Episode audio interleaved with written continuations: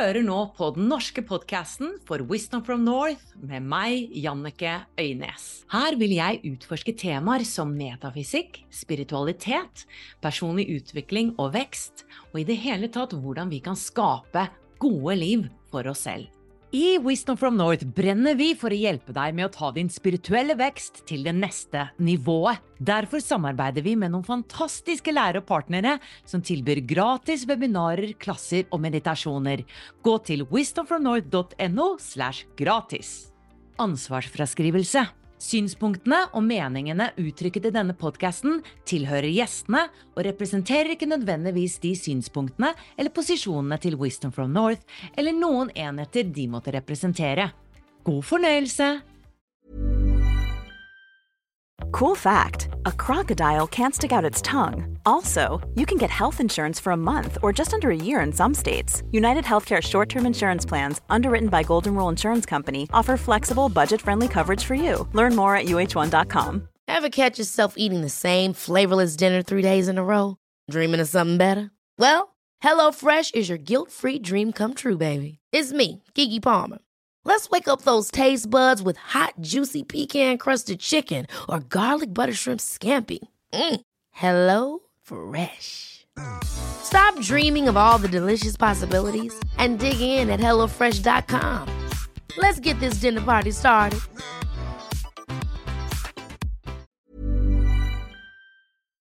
Hei og velkommen til en ny podcast-episode på Wisdom from North. I dag skal du få møte en kvinne som heter Kirsten Topp. Hun er hypnoterapeut, og vi skal snakke om hypnose, hypnoterapi og klebesjeler. Wow. Ja, hvorfor skal vi snakke om klebesjeler i forbindelse med dette her? Det er fordi at eh, Kirsten er opptatt av det, fordi i hennes praksis som hypnoterapeut så har hun oppdaget flere pasienter som faktisk sliter med litt uforklarlige ting. Og når hun da har tatt dem inn i hypnose, så har det da kommet frem at det er ulike sjeler som har hengt seg på disse pasientene. Og grunnen til at jeg syns det er viktig å belyse disse tingene, det er fordi at jeg tror at det er et reelt fenomen. Og jeg syns det er veldig interessant dette her med energier, fordi som i den fysiske verden, om vi stråler ut negativitet, så er det jo det vi tiltrekker oss, ikke sant? Og på samme måte så tror jeg vi kan tiltrekke oss mørke energier om vi er stadig i lavere frekvenser.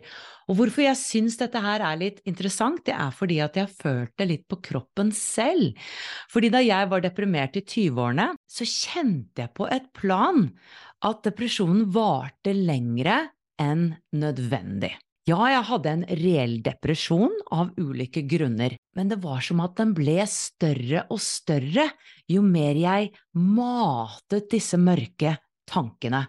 Og jo mer jeg matet det, jo vanskeligere var det å komme ut av det. Så jeg måtte etter hvert dra meg selv opp av denne gjørma og bevisst begynne å velge å tenke andre tanker, velge å tro nye sannheter om meg selv, som virkelig er forankret i den dypere sannheten. For min depresjon handlet jo om at jeg ikke var god nok, at jeg ikke elsket meg selv, at jeg ikke trodde på at jeg skulle få det til i livet og få et godt liv. Og jeg trengte å snu dette her og rett og slett begynne å jobbe med meg selv veldig, veldig aktivt ta meg selv i når jeg tenkte negative tanker, og jeg tror ved det at jeg begynte å tiltrekke meg noe helt annet. Og vi snakker også om hvorfor noen er mer åpne for å tiltrekke seg disse energiene. Og det er jo spesielt når man er i rus, så er det veldig lett å tiltrekke seg mørkere sjeler. Og også når man er ekstremt sårbar. Og jeg tenker at hvis du der ute mistenker kanskje at du har med deg litt negative energier, som mange av oss har opplevd, så er det hjelp å få. For eksempel hypnoterapi tror jeg er en genial måte å få luket ut disse negative energiene på. Men dette intervjuet handler om mye annet enn kun klebesjeler.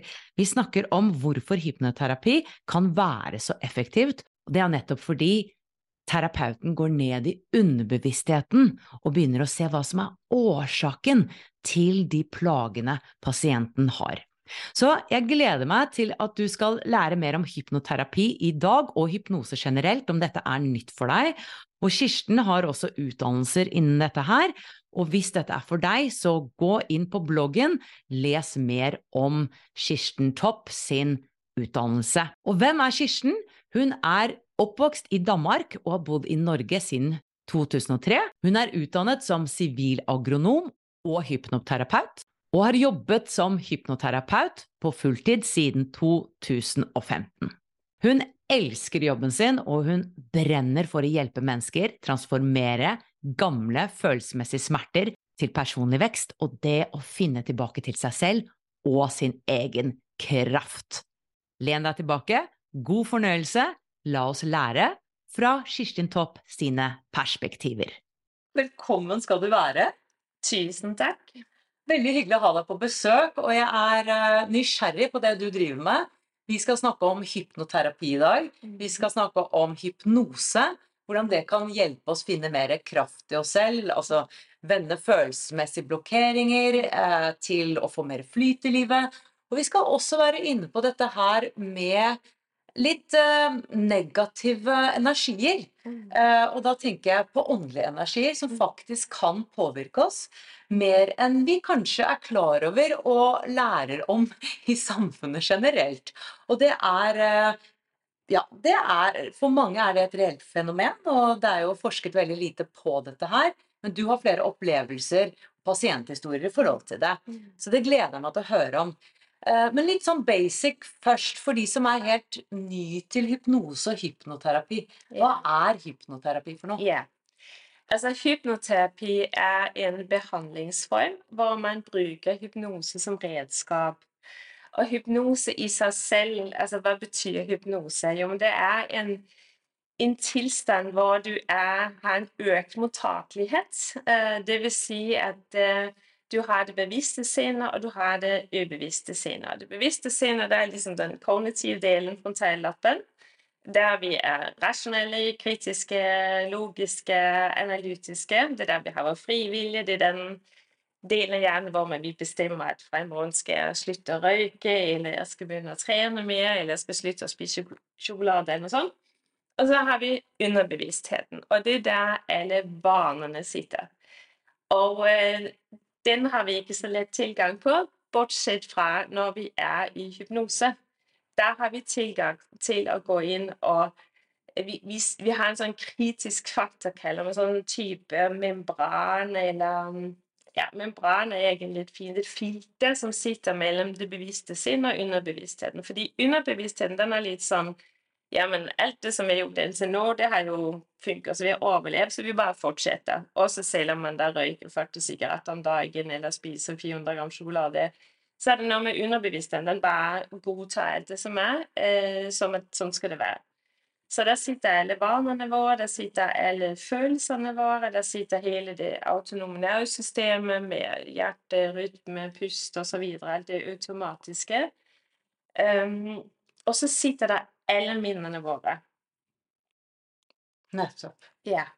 Og når vi er i eh, hypnose, eh, så betyr det bare at vi er i stand til altså det, det, er på en måte en sånn slags eh, eh, omprogrammeringsmodus, som når du går inn på mobiltelefonen og så trykker du sånn Går inn på innstillinger, og så kan du liksom rydde i gamle apps som du ikke lenger har bruk for. Så kan du liksom hive de bort i papirkurven.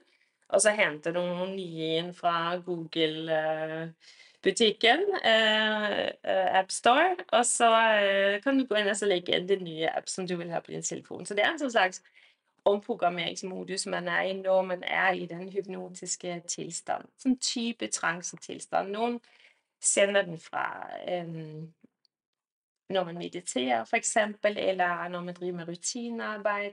Og du kan si, hvis du f.eks. leser en bok Altså, en bok, det er svarte bokstaver på hvitt papir. Eh, og det er jo virkeligheten. Altså, hvis du tenker sånn rent rasjonelt, så er det bare svart bokstav på hvitt papir. Men når vi sitter og leser en romantisk bok eller en eh, krim eller en grøsser, så blir vi følelsesmessig påvirket. Og det er jo ulogisk. Fordi det er jo bare svarte bokstaver på, på hvitt papir. Men fordi når vi, når vi tar opp den boken, så, så, bare legger vi vekk alt det her rasjonelle, logiske, kritiske, analytiske. Vi bare later som at det her er virkelighet. Og derfor fungerer det veldig bra. Vi har, opplever masse følelser når vi sitter og leser boken. Og det er akkurat det samme vi gjør når vi gjør en hypnose sammen. Det er at jeg guider min klient i en mentalt avslappet tilstand. Det er en tilstand vi går inn og ut av hele tiden hver dag. Faktisk er vi i eh, en sånn lett transetilstand 90 eh, av tiden. 90% Yes. Hver gang du uh, står og gjør en eller annen rutine, bare pusser tenner, er i dusjen, når du kjører bil og du plutselig tenker oh shit, jeg skulle vært til høyre her, men du pleier alltid å kjøre rett frem, så da har du liksom sittet i din uh, skjøre transe når du er stressa, det er som et typisk eksempel, da kan du løpe rundt og I hvert fall jeg gjør det. Fordi hvis jeg er seint ute, så kan jeg løpe rundt og lete etter nøklene mine, og så oppdager jeg faktisk hva de i hånda. Og det er den dypeste transetilstanden som er det når du faktisk eh, ikke ser noe som er der i virkeligheten. Eh, og det er fordi vi er så ute av det logiske, rasjonelle. Vi er så i følelsen. Følelsen av stress. Når du er i en sterk følelse altså Prøv å tenke på en person som er sint. Er de rasjonelle? Er de logiske? Er de analytiske? Nei, de er bare sint. De er i sin følelse, det er uansett om man er tre år gammel, eller man er 55 år gammel, eller 90 år. Så når vi er, Eller venninnen din som er fullstendig i oppløsning fordi at kjæresten har gått, og du tenker ja, men han var jo egentlig en idiot, eller det er jo mange andre hyggelige menn, men for henne så er det hele verden raser sammen fordi at eh, den personen har gått. Så det er med så sterk en følelse, man er slett ikke rasjonell. Så det er også en, en typisk eksempel hvor man er i en, en slags transetilstand. Så vi er i det 90 av tiden. Wow, dette her er spennende. Ok, um, Hypnose og transe, er det det mm. Uh, hypnose det er uh, en økt mottakelighet. Uh, transe det kan du sagtens være i uten at du har en økt mottakelighet. Okay. der, må være en, der må være en slags altså i forhold til, Det må være en, en åpenhet, en, en, tillit. altså du må ha Hvis du altså det, er, det, er, en veldig sånn glidende overgang og veldig sammenheng, så det er, det er, utrolig vanskelig å definere. Det er faktisk noe av det aller vanskeligste med faget vårt, det er å forklare hva er, hva er transe og hva er hypnose, og hva er forskjellen. Fordi det er jeg pleier å si vi, vi guider personen inn i en transetilstand sånn at de blir mottakelige. Fordi vi hjelper den her bevisste sinnet til Vi avleder den, eller vi få den til å slappe av. Vi ber selvfølgelig også klienten om ikke å tenke rasjonelt og logisk, at de skal være åpne. Det er på en måte fantasien vi går inn i, at de skal være åpne for det. For virkeligheten så er det veldig liten forskjell på fantasi og virkelighet. Altså, hvis du ser en person som har en edderkopp forbi, og så kommer det en sånn bitte liten edderkopp henover bordet, da tenker du altså det der det er jo ikke rasjonelt. Øh, de går inn i en transe med en gang de ser noe som ligner på edderkopp. Ah, ja, så de går inn i en transe ja. når de har den fobien? En følelse. Ja. ja. i en følelse. følelse. Og du mener når vi er i en følelse, så er vi Sterk følelse, så er vi i en transe. transe ja. Men vi er ikke nødvendigvis mottakelige, fordi selv om du sier til din øh, sønn eller søster eller venn at ja, den er jo ikke farlig, det er de overhodet ikke mottakelige for, fordi deres underbevissthet, så er den farlig. Øh, så, så der er de ikke mottakelige, selv om de er i transe. Så. Men la oss avmystifisere dette med yeah. hypnose litt. fordi det vi har sett på TV ofte, yeah. sånn TV-show, det yeah. er jo at uh, en eller annen talkvert uh, hypnotiserer yeah. noen. Nå er du en kylling, og så går du rundt og er kylling. Er det reelt i det hele tatt? Altså, du kan si Det at man melder seg til å gå opp på scenen, sier jo allerede noe om det her mennesket en som syns det er greit, og at, at andre ler av de det er også, altså, Jeg kunne aldri finne på å melde meg på et sånt show. Men jeg kunne heller aldri melde meg på Robinson eller Feynman eller andre ting hvor man får mye oppmerksomhet. Um, så man, de som melder seg, de vet at det her kommer til å skje. Og så er det en masse triks som jeg ikke skal avsløre her, uh, som den du kan si litt sånn psykologiske ting som der scenehypnotisøren bruker. Øh, for å få folk til å gjøre de her tingene. Jeg syns personlig det er helt usmakelig Eh, og, dess, men, og, dessverre så gjør det at mange som ser sånne shows, de tenker at uff, nei, det her er skummelt, det her kunne jeg aldri finne på. For det ser ut som at den personen har kontroll over den som sitter som en kylling. Men altså, hvis jeg hadde kontroll over den klienten som var hos meg, så ville jeg ha 100% suksess. Og det er det ingen som har. Og så vil jeg sikkert også være mye rikere, for så vil jeg få de til å overføre penger til min konto uten at de oppdager det. Alt mulig sånn umoralsk kan du si man kunne ha gjort. Men heldigvis så er det sånn at vi har ikke kontroll over eh, klientene våre, de som vi jobber med. Eh, det eneste vi har kontroll over, det er som jeg pleier å si, det eneste jeg kan garantere, det er at jeg skal gjøre alt jeg kan med min kunnskap om hypnose om hjernen, hvordan den fungerer, til å hjelpe deg til å få din forandring. Men, men det er du Altså, jeg er sykkelen, og du trår, eller jeg er guiden, og det er du som kjører bilen. Man må være Klienten må være motivert, de må ville sin forandring. Jeg kan ikke få noen til å slutte å røyke som, som ikke vil slutte å røyke. Det var en som sa til meg sånn Jeg tror ikke du kan få meg i hypnose. Og så sa jeg det er helt sant. Det er ingen som kan få deg i hypnose, bortsett fra deg det er du selv som velger å gå inn i den eh, mentalt avslappede situasjonen. Så, så når eh, der noen er på et sånt show, så har de selv valgt å gå opp dit. Mm. Mm. Og de velger selv å følge de instruksjonene.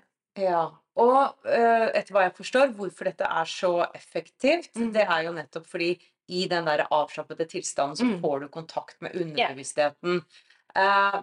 Og så har jeg lyst til å eh, sirkulere litt rundt dette her som jeg snakket om i innledningen, om negative eh, beings, altså mm. dette hører jeg om mye i mine engelske intervjuer. Mm. Jeg har begynt å bli litt mer oppmerksom på det, fordi jeg, jeg tenkte på det selv i min depresjon. Så mm. varte den litt lengre enn den hadde trengt. Mm. Uh, og jeg tror at av og til så fòrer vi mer disse traumene enn nødvendig, mm. og at kanskje det også tiltrekker seg mer negativ energi. Faktisk ikke bare mennesker, men energier fra den andre siden. Mm. Og jeg så jo at du har erfaring med dette, og det syns jeg var veldig interessant. Så mm. har du lyst til å dele litt om det? Ja. Altså, du kan si Det vi jobber aller mest med, det er angst. Eh, selvfølelse. Så har jeg også nå røykeslutt og eh, matavhengighet. Fordi det er liksom det det hypnose er kjent for.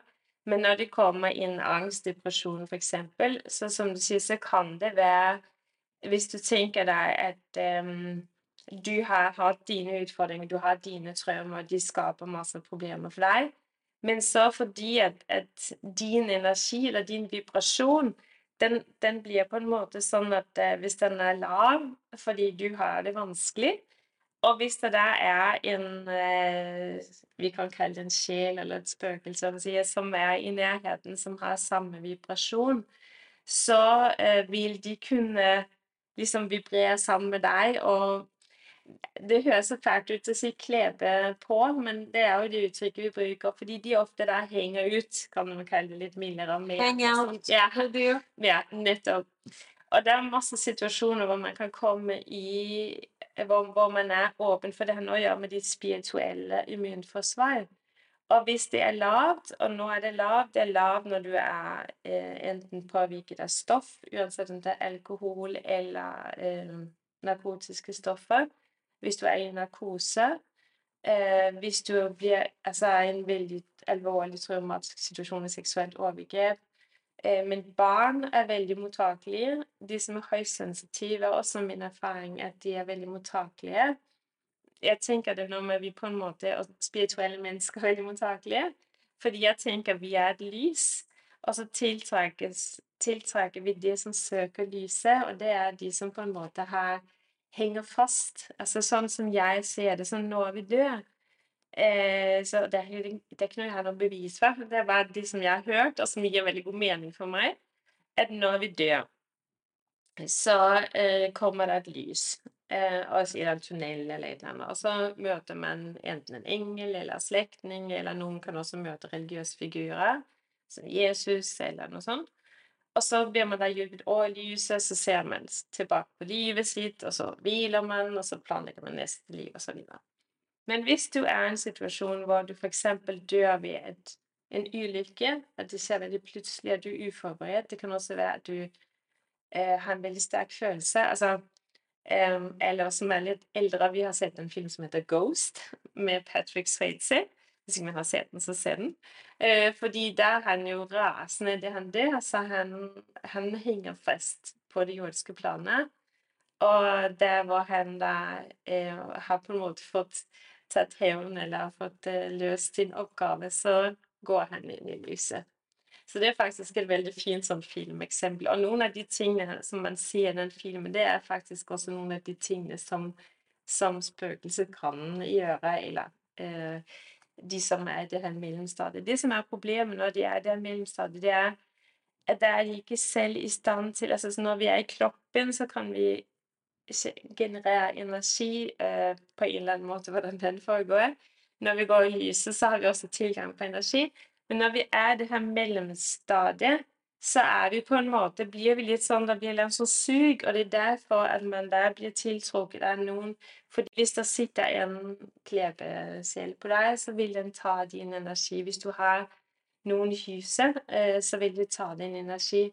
Så derfor så er jeg sånn Jeg tenker sånn There's nothing as a happy ghost. Altså, når folk sier ja, men vi har noen som bor hjemme hos oss, men det går helt greit, de gjør ingenting. Så sier jeg men de tar energien din, så det er veldig viktig å rense.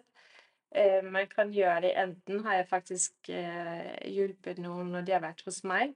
Mm -hmm. Jeg har et litt sånn morsomt eksempel med en eh, kvinne som hadde en uh, sånn eh, uh, Det heter en karet på dansk. Det er hva sa du? En, en karet er sånn heste altså Sånn skikkelig sånn prinsesse som sitter bak en hest.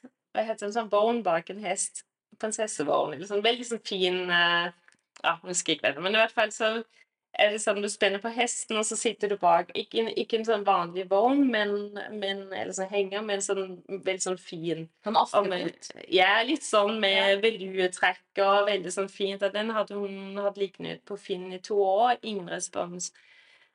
Og så eh, hadde hun mye sånn hjemme på gården sin, så hos meg i hypnose så snakker vi med de som er hjemme på gården. Man blir på en måte sånn type klarsyn når man er i hypnose. Og så eh, snakket vi med dem og fikk de til å gå i lyset. Vent da, Hvem snakket du med? Ja, ja, nei, det forstår jeg godt. Mm. Jeg tar henne i hypnose. Ja. Så sier jeg nå snakker jeg til de som Jeg husker ikke detaljene, men de som er ute i stellen, eh, som eh, gjør sånn og sånn, eller jeg husker ikke helt akkurat hvordan jeg tok kontakt med dem. Det, det bestemmer jeg altså ut ifra det som Det kan være klientene som sier om eh, det er en sånn trekk i stua, eller når jeg sitter i sofaen i stua, så har jeg kjenner sånn liksom nå på skulderen. Så da sier jeg sånn Når klientene i hypnose sier Nå snakker jeg til det som gir den der trekk på skulderen, eller de som bor i stallen til den personen, f.eks. Ja, så du sier i hypnose ja, ja. at nå snakker jeg til den delen ja, til den. Nei, nå snakker jeg bare til det, ikke den, fordi de satt jo ikke på henne, det var på gården. Ja. Og, så, øh, og så skal hun bare på en måte Du kan kalle og bruke sin fantasi. Altså Hun skal bare svare det første som kommer når jeg spør. Mm -hmm. Så spør jeg f.eks.: Hva gjør du der? Hva er oppgaven din? Og det er ofte de som har bygd huset, som er der. Eller noen som har dødd en, eh, en traumatisk død der. Eh, men det kan også være noen som har dødd fredelig, men at det var de som bygget huset, som er veldig knyttet til det. I hvert fall så fikk vi rense vekk det som var på gården. Og da hun kommer hjem på kvelden, så ringer det noen og vil kjøpe den der ja. og hun solgte den. Fantastisk. Ja. Så om det var hennes fantasi, om det var en tilfeldighet, det har vi ingen bevis for. For meg så har det ingen betydning. Det som betyr noe for meg, det er at klienten får sin forandring. Ja. Eh, og du kan si her var det da noe som var utenfor den personen. Eh, man kan også, eh, det kan også være noe som sitter på personen. Eh, eksempelvis hadde jeg en klient som kom til meg fordi han sleit veldig med mareritt. Han hadde mareritt sånn det samme marerittet to til tre ganger i uka, og det han har hatt i ti år. Og han våkner, altså bråvåkner på natta, og så um, var, eh, sendte han en sånn press i brystet, sånn, som om han eh, akkurat holdt på å dø. Det var det han opplevde Wow. i drømmen. Og det som eh, Jeg fikk jo veldig en følelse Fordi når vi har noe som sitter på oss, så hvis vi har den samme drømmen som kommer om og om igjen, så kan det ofte være at eh, de ikke er vår fantasi, men noe fra livet til den personen som sitter på oss. Wow. Utrolig hvordan de infiltrerer Ja, det bevisstheten det. vår, da. Ja, det gjør det. Og øh, det, vi gjorde, det jeg gjorde der, fordi da var jeg så sikker på Eller jeg tenkte at vi må i hvert fall starte med det her. Og så, så jeg, tok jeg han i hypnose. Og så sa jeg nå snakker jeg til den delen av Vi kaller han bare Nils. Den delen av Nils som gir Nils Marit Hva gjør du her? Hva er formålet ditt? Og så, så snakket jeg med den, og så fant jeg ut at, at det var ikke en del av ham. Og så gikk vi tilbake til der den levde, og så hjalp den med å komme inn. Man kan gjøre det på forskjellige måter, men det viktigste er å få den inn i lyset. Og når den så, og, og der har man sånn er en- hel sånn prosess og masse sånne checkpoints som man gjør underveis for å sikre seg at man gjør en god jobb. Eh, og det er veld, veldig viktig altså å få de inn i lyset, hjelpe de på en god måte. Og så eh, Det som skjedde, det var at han har ikke hatt mareritt siden. Wow. Og han hadde mareritt i ti år. To til tre ganger i uka i ti år. Ja. Wow. Ja, så det var veldig spesielt. Og du kan si de her Nå var det som mest på natta han kjente det her. Eh, men det kan også være at de påvirker deg på dagtid. Altså at de øker din depresjon. Det kan hende at de gir deg trang til å Hvis det er en tidligere misbruker som sitter på deg, så kan den gjøre det vanskelig å slutte med stoff, f.eks. Mm. Så et eksempel jeg leste om, var en eh, amerikansk eh, psykolog som da hjalp en kvinne som var alkoholiker og veldig gjerne ville slutte. og Hun hadde prøvd i mange år uten å lykkes. Og så tok han henne hypnose, og så viste det seg at det satt 17 stykker på henne Ja. som var tidligere alkoholiker. Så hver gang de prøvde å få henne til å drikke, fordi når hun drakk, så fikk de sånn et lite sus eh, også. Så hver gang hun prøvde å slutte, så var det 17 stykker som stemte imot. Wow, wow, wow. Dette er en verden vi ikke er så kjent med i vårt samfunn. Ja, jeg vil bare si det, det er ikke noe man skal bli skremt av. Det er bare energi. Du kan si, en, Man har jo kjent det, man kjenner det faktisk innen Skjønte Jeg noe nylig innen eh, Altså, muslimer har også et bilde av det her. For jeg hadde en klient som fortalte at hvis han gikk eh, til sin eh, religiøse leder og sa at han hadde psykiske problemer, så ville de få til en sånn slags djevelutdrivelse, liksom man ser Ja, i ja. katolisisme.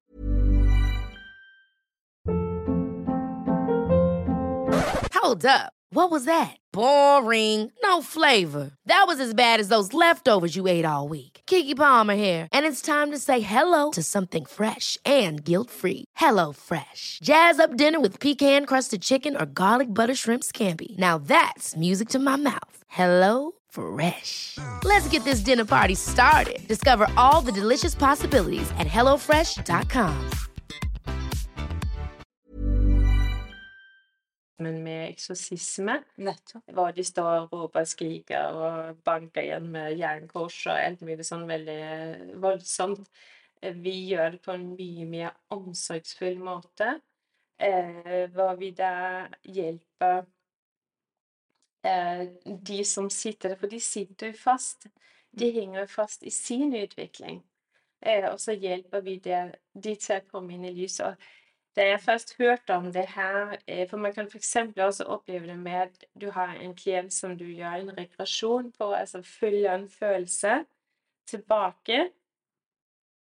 Til et tidligere liv. Eh, altså, vi bare følger følelsen tilbake til der hvor den kommer fra. Eksempel en person som har angst, merker trykk i brystet eh, og blir andpusten og eh, Så de her symptomene bruker det. Så når de er i hypnose, så guider jeg deg den i forhold til den, hyp- i forhold til den følelsen. Og så for det meste så eh, havner de Altså i 95% av tiden så havner de på et eller annet sted i her livet hvor de har starta. Men noen ganger så eh, kommer de tilbake til tidligere liv. Eh, og så, men det som er, det er, det er ikke alltid i den personens tidligere liv. Og Fordi det kan godt hende at det er den klebesjelen som man da faktisk snakker med. Så det jeg gjør der, det er, det er å finne ut der om det er dens tidligere liv, eller om det ikke er dens tidligere liv. Og hvis det ikke er den personens Altså hvis det er du som er hos meg, mm. hvis det så viser seg at det ikke er de tidligere liv, så hjelper jeg den over i Mm. lyset. Og der får klienten veldig store forandringer. Wow, så det er healingarbeid på mange nivåer og for flere er- sjeler her. Ja, det er det absolutt. Ja, det er det. Eh, hvordan vet vi eh, at vi har en klebeånd, og hvordan kan vi beskytte oss? Du snakket om eh, Mm. spirituell immunitet, var det det du yeah, sa? ja, veldig kult ord. Ja, altså eh, immunforsvar kan du si vårt eh, spirituelle Vi har et fysisk immunforsvar, så har vi et spirituelt immunforsvar. Og, og det eh, hvor det blir svakt, eh, som jeg sa, det er når man er utsatt for altså, traumatiske opplevelser, som overgrep f.eks. Mm. Hvis man er veldig beruset. Der hvor du kan eh, Du er sårbar, rett og slett. ja, du kan si jo mer Hvis du har veldig mye angst, altså jo mer på en måte ro du finner i deg selv, jo bedre. Men man skal f.eks. heller ikke begynne å leke med den der ånden i glasset eller kidja-bordet eller sånn. Det Nei. skal vi ikke gjøre, for da tiltrekker du noen eh, som på en måte er med på en fest, men det er ikke alltid de går hjem igjen. Eh, så derfor så skal man ikke rote med sånt. Okay. Eh, men eh, hvis man er usikker på om man har noe på seg, eh, så kan man be Altså, jeg jobber altså med erkeengelen Mikael, fordi det er eh, beskytter eh, Det er liksom den øverste erkeengelen. Mm. Så det, eh, du kan altså be han om å rense deg og beskytte deg. Så når jeg jobber med de ting, så blir jeg altså en beskyttelse både for meg selv og for klienten. Mm. Når vi jobber med det, er veldig viktig. Mm. Eh, Så jeg ber altså om det. Nå hadde jeg ikke på i dag, men det er forskjellige stein du kan bruke til å rense deg med. De svarte steinene, obsidian, eh, røykkvarts, eh, snø. Vel, eh, Sånn forskjellige svarte stein kan du bruke. Man kan bruke salvie, sånn røkelse, til å, å rense med også. Så bra, og det er jo kanskje noe man Altså, det handler vel litt om eh, oppmerksomhet og awareness. At eh, Mm. eh, vi blir klar over disse fenomenene først og fremst, og så stille litt spørsmål. ikke sant? Har jeg vært, hatt et Mm. lenge, eller mye mareritt? Er det noe annet her? Jo, hvis du, altså spesielt hvis Noen har jo Der de sitter det helt fra de var barn. Mm. Eh, så derfor så, så vet de ikke hvem de var før. Men noen opplever kanskje at etter et eller annet som skjedde, så på en måte forandrer de personlighet. Eh, men som sagt, det kan også være noen som har jobbet veldig hardt for å bli kvitt noe uten å lykkes. Men da kan det være fordi de har et eller annet som sitter og motarbeider det. Ikke fordi de Ja. ønsker det bevisst, men fordi at den, den sitter fast i sitt dødstraume. Altså, Ja. da jeg hørte om det her på ut, min første utdanning, da ble jeg kjempeskremt og tenkte jeg var kjempeskummel. Jeg håper alle kommer til å, å møte det hos en klient. Men så gikk jeg hos en kollega i Danmark og opplevde det på meg selv. Oi, Og så- har du hatt klebånd? Ja, masse. Oi! Ja. Er det så vanlig? Det er veldig, veldig vanlig. Ja. Eh, og de, jo, altså, de som er klarsynte, de ser det jo. Eh, De ser det, og de sier det er veldig vanlig. Og noen de kommer og går, noen sitter der hele tiden. Eh, Så det er mye mer vanlig enn det man skulle tro. Og det jeg opplevde, var når å komme tilbake til tidligere liv, og det føltes som om jeg hadde spydd inn i magen. Jeg var helt stensikker på at det var mitt tidligere liv. Men så forsto jeg så underveis i prosessen ja, men det her er jo ikke mitt. Og da vi så først begynner å rense, så setter alt mulig rart på meg som vi så fikk ryddet bort. Eh, og jeg kjente da jeg dro hjem fra den terapeuten, så var det som om at noen hadde lagt sånn skorsteinsrør ned i halsen. Altså, jeg, jeg, jeg, mm, det var som om jeg pustet helt sånn Som man puste på en helt annen fri måte. Det var veldig rart. Oi, Ja. Mm, spesielt. ja. Ja, men dette, ja, dette er verdt å kikke litt på, tenker jeg. Eh, og eh, altså hypnoterapi. Eh, kan du dele litt om hva slags mennesker som kommer til deg, og hva de trenger hjelp med, Ja. og hva som kan Ja. heales og hjelpes? Ja, altså du kan si alle tankemønstre, følelsesmønstre som du ikke ønsker å ha, kan vi jobbe med.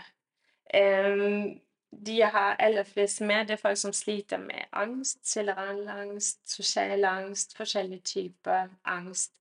Og så er det selvfølelse, også med prestasjonsangst f.eks. Men uansett hva vi jobber med, om det er sjalusi eller eh, selvtillit, så, så det er alltid Vi ender veldig ofte opp med å jobbe med selvfølelsen. Altså, jeg pleier å si det sånn at når vi kommer inn i det her livet, så tenker jeg at vi alle sammen er trygge på oss selv. Vi er født med en god selv, eller ikke født med, vi er skapt med en god selvfølelse. Men så skjer det noe. Det kan være allerede når mor finner ut at hun er gravid, og hun vil ikke ha det her barnet. Eh, det, det, kan være der du kan si filmen knekker, altså hvor man da finner ut at oi, jeg er faktisk ikke, jeg er faktisk ikke elsket, jeg er ikke ønsket. For det snapper barna opp i livet? Yes, ja, det kan gjøre det i hvert fall. Kan gjøre det. Jeg, jeg har vært i, i hatt klienter i hypnose hvor de har opplevd det. Ja. Så uh, for noen er det først når de er tenåringer, men langt de fleste skjer det før man er syv-åtte år. Mm. Og så skaper det overbevisninger om at man ikke er ønsket, at man ikke er elsket, at man ikke er verdt noe. Det er de som lager denne styggen på ryggen, som veldig mange går rundt med. Eh, så du kan si har man en styggen på ryggen, jamen så er det en god mulighet for at du har noen, noen negative tankemønstre om deg selv eh, som det kan være lurt å få rydda i, og få, som henger sammen med traumer. Og er det sånn at det, Siden du sier at det er en fellesnevner mm. å jobbe med selvfølelsen, at mm. det kan da utarte seg i angst, i depresjon, i ulike symptomer? Men til kjernen, problemet er ofte ja, det er at man, har mistet den der tryggheten i seg selv. Så jeg pleier å si at uh, altså, for, for, man snakker om hypnose når man er ute av kontroll, så sier jeg det helt motsatt. Uh, hypnoterapi hjelper deg til å komme tilbake i kontroll over ditt liv. Uh, fordi når du har angst, så har du mistet kontrollen. Og faktisk det eneste som alle har tilfeldig som kommer til meg, det er følelsen av å være ute av kontroll. Det vil si at de føler at de er kontrollert av sigarettene, av angsten, av maten. Altså overspising er det mange som sliter med. Det som uh, man kaller kompenserende atferd. Uh, og Camilla snakker mye om det i sin bok. Mai Camilla Munke gjorde i boken 'La masken felle', og hun har jo gått i sånn forløp bare for å mm. fortelle, så er jeg da Dette er en felles bekjent. Yeah. Jeg har også intervjuet, og mm. intervjuet ligger også på podkasten og på YouTube. Ja. Mm. Og, og, det var faktisk fordi meg og Camilla hadde vært her. Jeg fikk lyst til å tenke ja, men det hadde jo sikkert noe flere burde vite mer om. Så Fordi det er den prosessen som vi jobber med, og som hun også var igjennom, det er en uh, Du kan si standardprosessen som jeg jobber med. Uh, det er var den første gang så handler det om å bli litt kjent med eh, klienten som kommer til meg, hvilken problemstilling du ønsker å jobbe med, hvordan er det du har nå, sånn som du ikke ønsker det, hvordan ønsker du å ha det istedenfor. Det er liksom hovedtemaene første gang. Vi på en måte finner ut av de gamle programmer som man ikke liker, og finner ut av hvilke program vil du ha istedenfor, hvordan vil du tenke om deg selv, hvordan skal det være hver dag. Og da mener du programmer, mener du ja, da, ikke sant? Tankemønstre. Tankemønstre, ja. ja. Mm. Eh, mange kommer også fordi de sliter med søvn. Altså, når du har det vanskelig i livet, så går du rundt i konstant alarmberedskap, og det går utover søvn, konsentrasjonsevne, hukommelse. Um, man er konstant sliten. Uh, så det er sånn Du kan si små alarmklokker man kan ha her før man gjør noe. Mm. Den andre gangen da går vi sånn og jobber med gammel uh, gammel frykt, eh, som jo er oftest traumatisk. Altså frykt som ikke har blitt eh, Det har vært situasjoner hvor du har vært redd, og hvor det ikke har blitt ryddet opp i. Du har ikke blitt møtt på den måten som du hadde bruk for å bli møtt. Eh, for der hvor du skapte den, eller hvor den frykten oppsto inni deg. Eh, er slik at den blir sittende, på en måte? Ja, den blir sittende. Mm. Så det er som om at du kan si eh, Når du kommer i en vanskelig situasjon, så, så plutselig så er det som om at du blir fem år gammel. Altså, hvis du føler at din partner øh, avviser deg, eller noen kritiserer deg, så blir du plutselig den der lille på tre år som blir kritisert eller fikk kjeft av moren sin. Og så er det de reaksjoner som kommer inn i oss. Kan kjenne meg igjen. ja, vi kaller det emosjonell resonans. Altså det er når, når de der gamle kommer opp at uh, ja, men det er jo ikke den du egentlig er i dag. Og veldig mange som kommer til meg, det er suksessrike mennesker som er, jobber og er altså sitter i lederstillinger, mellom lederstillinger osv. Som hvor det er ingen som skulle tro at de er usikre på seg selv, men hvor de er skjelven når de skal presentere noe for andre eller si noe i en gruppe, men de, de klarer å skjule det. Mm. Uh, Så den andre gangen, da går vi inn i den der klumpen i magen eller trykk i brystet, uh, og så oppløser vi det som ligger bak. Så du kan si bare at hvis du sliter med angst, f.eks., så går du til legen, så får du eh, forskjellige antidepressiva eller um, angstdempende. Men det som det gjør, det blir liksom hvis du tenker at du klipper gresset. Det tar toppen hver gang, men du får aldri opp røttene. Så hver gang Eller det kan også hende du spiser sjokolade, eller du setter deg og spiller et spill, eller du går til shop. Altså alt det her kompenserende atferd som vi bruker når ikke vi går inn i følelsen og tør møte den og se hva er det for et behov som ikke er oppfylt nå, så, så gjør vi alt det der kompenserende atferd. Eh, og det som vi gjør i hypnosen, det er at vi, at vi graver opp, altså vi finner rotårsaken. Vi graver opp sånn det er som om den planten aldri har vært der, eller det ugresset aldri har vært der. Og så planter man det man vil istedenfor. Ja, så du Altså- planter nye ting. Ja, så du planter nye ting. At, eh, og pluss at, at du kommer tilbake til den du opprinnelig var. Altså vi er inne og har kontakt med, med den du kom inn i livet som. Ja. Eh, og som vi sier, ikke født som, fordi det kan hende det har blitt ødelagt før du ble født. Men den du kom inn i livet som. For jeg tror at når vi kommer inn i det her livet, så har vi en plan. Det er ting vi skal inn og lære. Vi har valgt motstand vi skal møte på veien. Det kan være alkoholiserte foreldre. Det kan være eh, partnere. Det kan være Altså, vi har lagt noen sånne utfordringer til oss selv. Og når vi så kommer inn i det livet og møter de, så har vi glemt det, og så bare kjenner vi på smerten.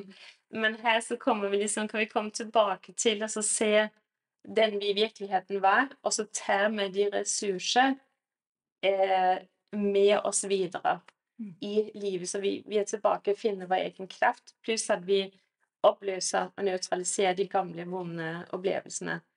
Eh, Så den andre gangen handler det om frykt, og det er den regresjonen vi gjør der.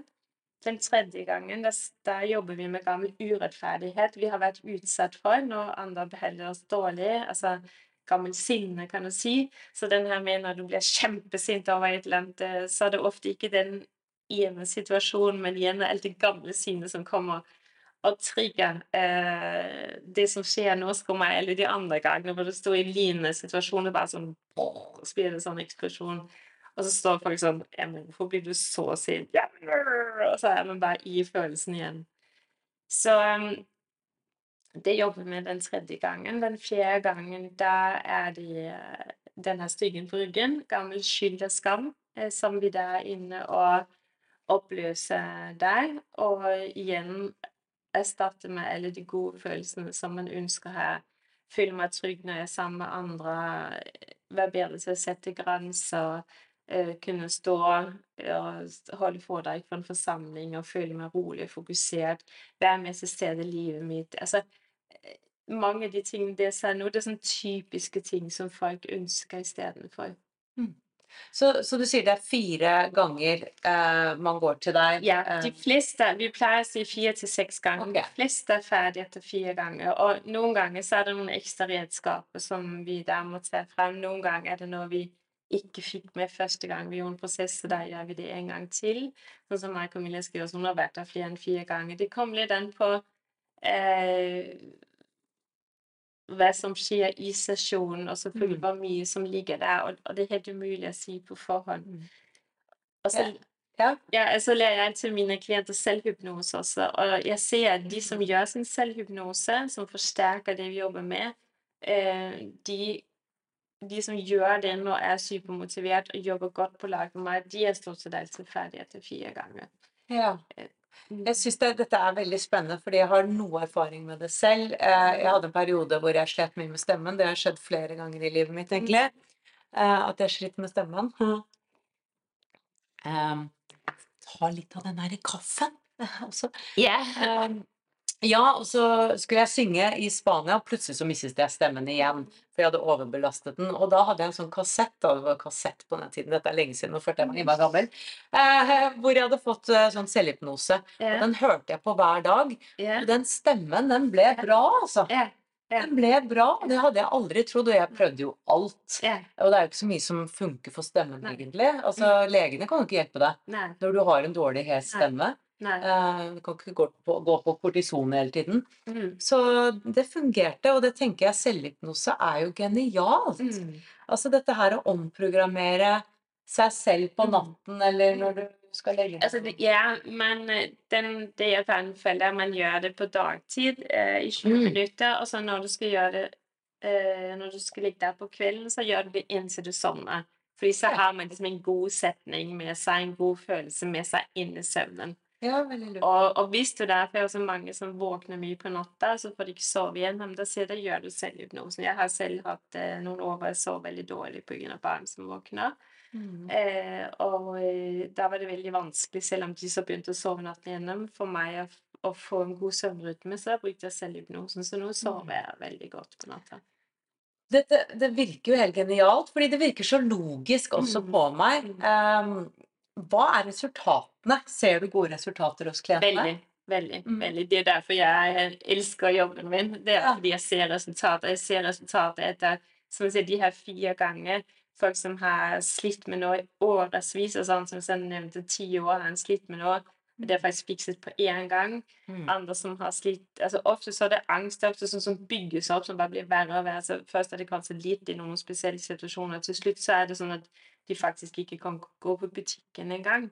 Mm. Um, så, så jeg ser veldig gode resultater ja, Mm. av de som, eh, som kommer. Og jeg, eh, jeg jobber også veldig grundig. Altså grunnen for at man kommer så langt på fire ganger, det er fordi at jeg bruker god tid. Mange reiser f.eks. fra Oslo til Gjøvik. Um, Mm. man har reist to timer.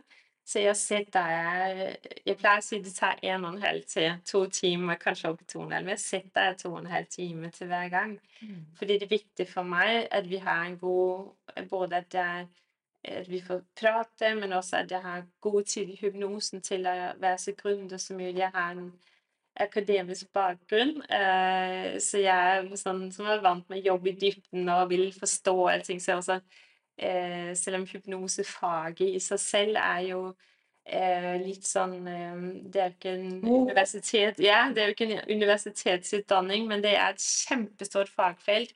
Og det burde være eh, en, eh, en mye lengre utdanning. Mm. Jeg, da jeg tok det, så um, eh, tok det ca. et halvt år med altså, sånne samlinger. Jeg har så begynt å utdanne hypnoterapeuter selv, fordi jeg syns det er så fantastisk. Jeg tenker at om det er flere som må kunne det her. Så i fjor så hadde jeg samarbeid med en kollega i Danmark hvor jeg lånte hennes materiale, men nå driver jeg og skriver mitt eget, så det blir på norsk, og det blir også på en måte mitt. Altså, for jeg så det var ting som jeg vil gjøre på en annen måte, og, og eksempel alt det her med det spirituelle, det var ikke en del av det, så det har jeg lagt på. Eh, for jeg syns det er så viktig, fordi hvis du har en person som sliter, men så sitter det en sånn eh, parasitt på en måte på den og hele tiden påvirker den, så hjelper det ikke mye du hjelper den personen, for den får aldri forandring, fordi den der parasitten vil vi mer sitte og sende inn sine følelser. Mener du den klebånden? Ja, klebånd, ja. Mm. Så det blir på en måte Det er viktig at man, eh, at man får rydda rundt, og at man, at man kan det her, og så kan hjelpe folk på den måten. Og det er det veldig få eh, i Norge som kan. Så det er litt sånn ekspertise, ekstra ekspertise, akkurat det der med å inkorporere klebånder og yeah. ta med det. Yeah. Og det er jo viktig det, hvis det er en del av sykdomsbildet og Ja. diagnosen, holdt jeg på å si, så er det viktig å adressere det som er, tenker jeg. Ja, Ja. det, det tenker jeg også. For jeg ser jo at de, eh, de som har noe sittende på seg, uansett hvor mye vi jobber med de på en mulig andre måte, så hjelper det ingenting. Hvis ikke du får renset vekk de og hjelper det over lyset, så, så vil symptomene bli, fortsette å komme tilbake. Interessant. Um, så de som er interessert i å bli hypnoterapeuter, yeah. kan ta kontakt med deg? Ja. Yeah. Ja. Jeg har nytt kurs eh, til 15. september starter vi nytt kurs, og jeg har allerede seks påmeldte. Eh, og jeg gleder meg kjempemye til å, skal liksom undervise i mitt helt eget uh, materiale. Det blir veldig kult. Um, og det er en utdanning for de som ønsker å hjelpe andre mennesker. Jeg ble selv inspirert til å jobbe som hypnoterapeut etter å ha lest en del bøker av Brian Wise, en amerikansk psykiater. Jeg skulle Som- til å ja, som- nevne ja. ja. som snakker mye om regresjon til tidligere liv. Eh, Det var da, da jeg leste hans bøker, så var det bare sånn Dette vil jeg, men jeg ville jo ikke være lege og psykiater. Og jeg tenkte også kanskje jeg skulle lese psykologi, men etter hvert så fant jeg ut at jamen, det her er noe helt annet. Det er et helt eget fagfelt. Altså, det blir liksom en det er jo psyken man jobber med, men det blir litt som en kiropraktor, en osteopat og en fysioterapeut. At man, det er så forskjellig den måten man jobber på. Så det er et helt eget. Så jeg har liksom selv det er tatt masse kurs, jeg har lest eh, masse, masse bøker om hypnoterapi og hypnose av hjernen. Så, så når jeg da nå underviser mine elever, så får de da glede av alt den eh, si, forarbeidet jeg har gjort for deg, å plukke ut de beste og mest effektive redskapene til å, å si, gjøre også komplisert litteratur mm, enkelt forståelig. Eh, og så kan man selvfølgelig selv gå inn og lese det som ligger bak hvis man vil, men jeg har liksom jeg tenkte at det skal være, og det skal være sånn at uansett hvor man kommer For noen spør og sier men hvilken, hvilken bakgrunn skal man ha? Men du trenger ikke å ha noen spesiell bakgrunn, fordi jeg lærer deg alt det du trenger for å kunne hjelpe mennesker. Mm. Eh, så uansett om man er helsepersonell fra før, eller om man har jobbet eh, Noen av de som har tatt utdannelsen, har vært eh, innen økonomi, f.eks. som Jeg er selv sivilagronom, eh, så noe helt annet, kan du si. Jeg jobbet jo aldri med mennesker før, så for meg var det den nye delen. Men de å dykke ned ting og forstå ting og virkelig gå i dybden, det, det var også det jeg hadde med meg. Men jeg måtte lære det her med å jobbe med, med mennesker og ha ja, markedsføring og mye eh, som var nytt for meg, men veldig spennende. Du beskriver egentlig litt for meg at du hadde en slags eh, oppvåkning til din livsoppgave. Ja, ja det kan du og si. det, det kommer jo ikke i fanget. Jeg snakker veldig mye om det. Eh, det kommer ikke fanget til deg, og det er jo en stretch. Du må jo ut av komfortsonen. Mm. Eh, Du må jo lære deg skillsene og alt sammen. Så, men det føles så meningsfullt. Jeg ser jo på deg nå, du bare stråler når du snakker om det! Så du er jo så på rett plass. Og, så for dere som er interessert, eh, dette er da 2023 vi snakker om denne utdannelsen. Men jeg legger jo eh, websiden, Ja. eh, linken din også der. Eh, veldig spennende. Er det noe mer du har lyst til å dele sånn på tampen? Eh, nei, jeg har bare lyst til å si at uh, i forhold til utdannelsen, så eh, er det så um, jeg, Man kommer til å lære uh, Det jeg har mest kompetanse på, det er å jobbe med voksne. Så det er det som jeg liksom er min kompetanse. Men så har jeg en kollega som er veldig Hun heter Pøll Lodue Lionheart, og hun kommer da til å stå for en dag hvor det blir spesielt med barn. Fordi det har hun veldig mye erfaring med og eh, mye kunnskap om. Så det er hun som kommer til å undervise den ene dagen. Der. Men de andre dagene da blir det meg som, som underviser. Altså vil det si undervise hvordan du kan hypnotisere barn? Ja, hvordan, man jobber, hvordan du jobber med barn. Altså, det er jo alltid i samråd med foreldre. Det er jo foreldrene som henvender seg og ber Ja. om hjelp. Og hun har veldig gode resultater med barn. Okay. Eh, fordi barn, det er så mange barn som sliter i dag. Ja. Og, øh, ja, med alle mulige Du kan si vi jobber ikke med diagnoser, vi er ikke helsepersonell. Vi ser på alle mennesker som unike. Og vi går inn og, og jobber med de som de kommer med den forandring de ønsker. Så du kan si det kan godt hende det er symptomer i forhold til en diagnose som vi jobber med, men jeg, jeg går alle inn og sier jeg kan helbrede noen for en diagnose. fordi det, det er slett ikke den måten jeg ser på det, eller tenker på det. Vi jobber med, med den følelsen som de har, eller de Altså, det kan være sengehveting, eller det kan være andre sånne Ja. eh, ting som, som Eller edderkopper. Ja. Jeg hadde jo en, min kusine var redd for det og gikk til hypnose, Ja. husker jeg, og hun ble kvitt Ja. edderkoppfobien. Ja. Ja. Så, eh, med, ja, med barn så jobber man på en litt annen måte. De, Mm. De, har, de klarer ikke å konsentrere seg så lenge som det voksne gjør. Men hele tilgangen er litt annerledes når man jobber med Mm. barn. Så derfor har jeg hentet inn hennes kompetanse og ekspertise til, til det for den ene dagen på utdannelsen. Så Genialt. Ja, er veldig, veldig spennende. Takk for at du gjør dette arbeidet, og masse lykke til med Takk for det. utdannelsen. Takk for det.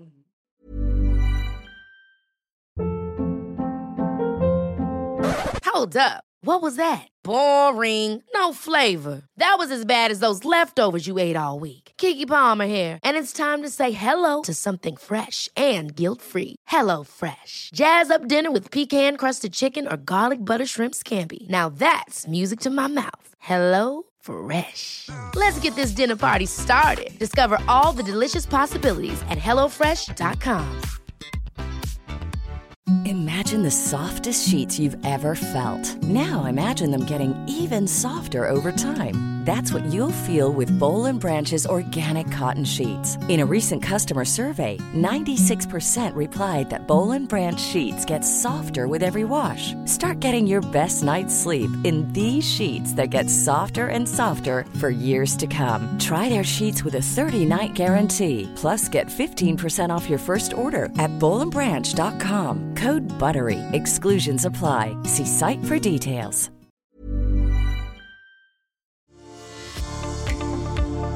Ønsker du å utvikle deg som menneske, åpne opp mer for din livsoppgave og utforske en dypere mening med ditt liv? Så er du hjertelig velkommen inn i Wisdom from North medlemskap. Og det finner du på wisdomfromnorth.no slash medlemskap. Om du vil gå enda litt dypere, så finner du alle våre norske nettkurs på wisdomfromnorth.no og våre engelske nettkurs på wisdomfromnorth.com. Du finner oss også på Instagram, Facebook og YouTube ved bare å søke på Wisdom from North. Vi høres igjen!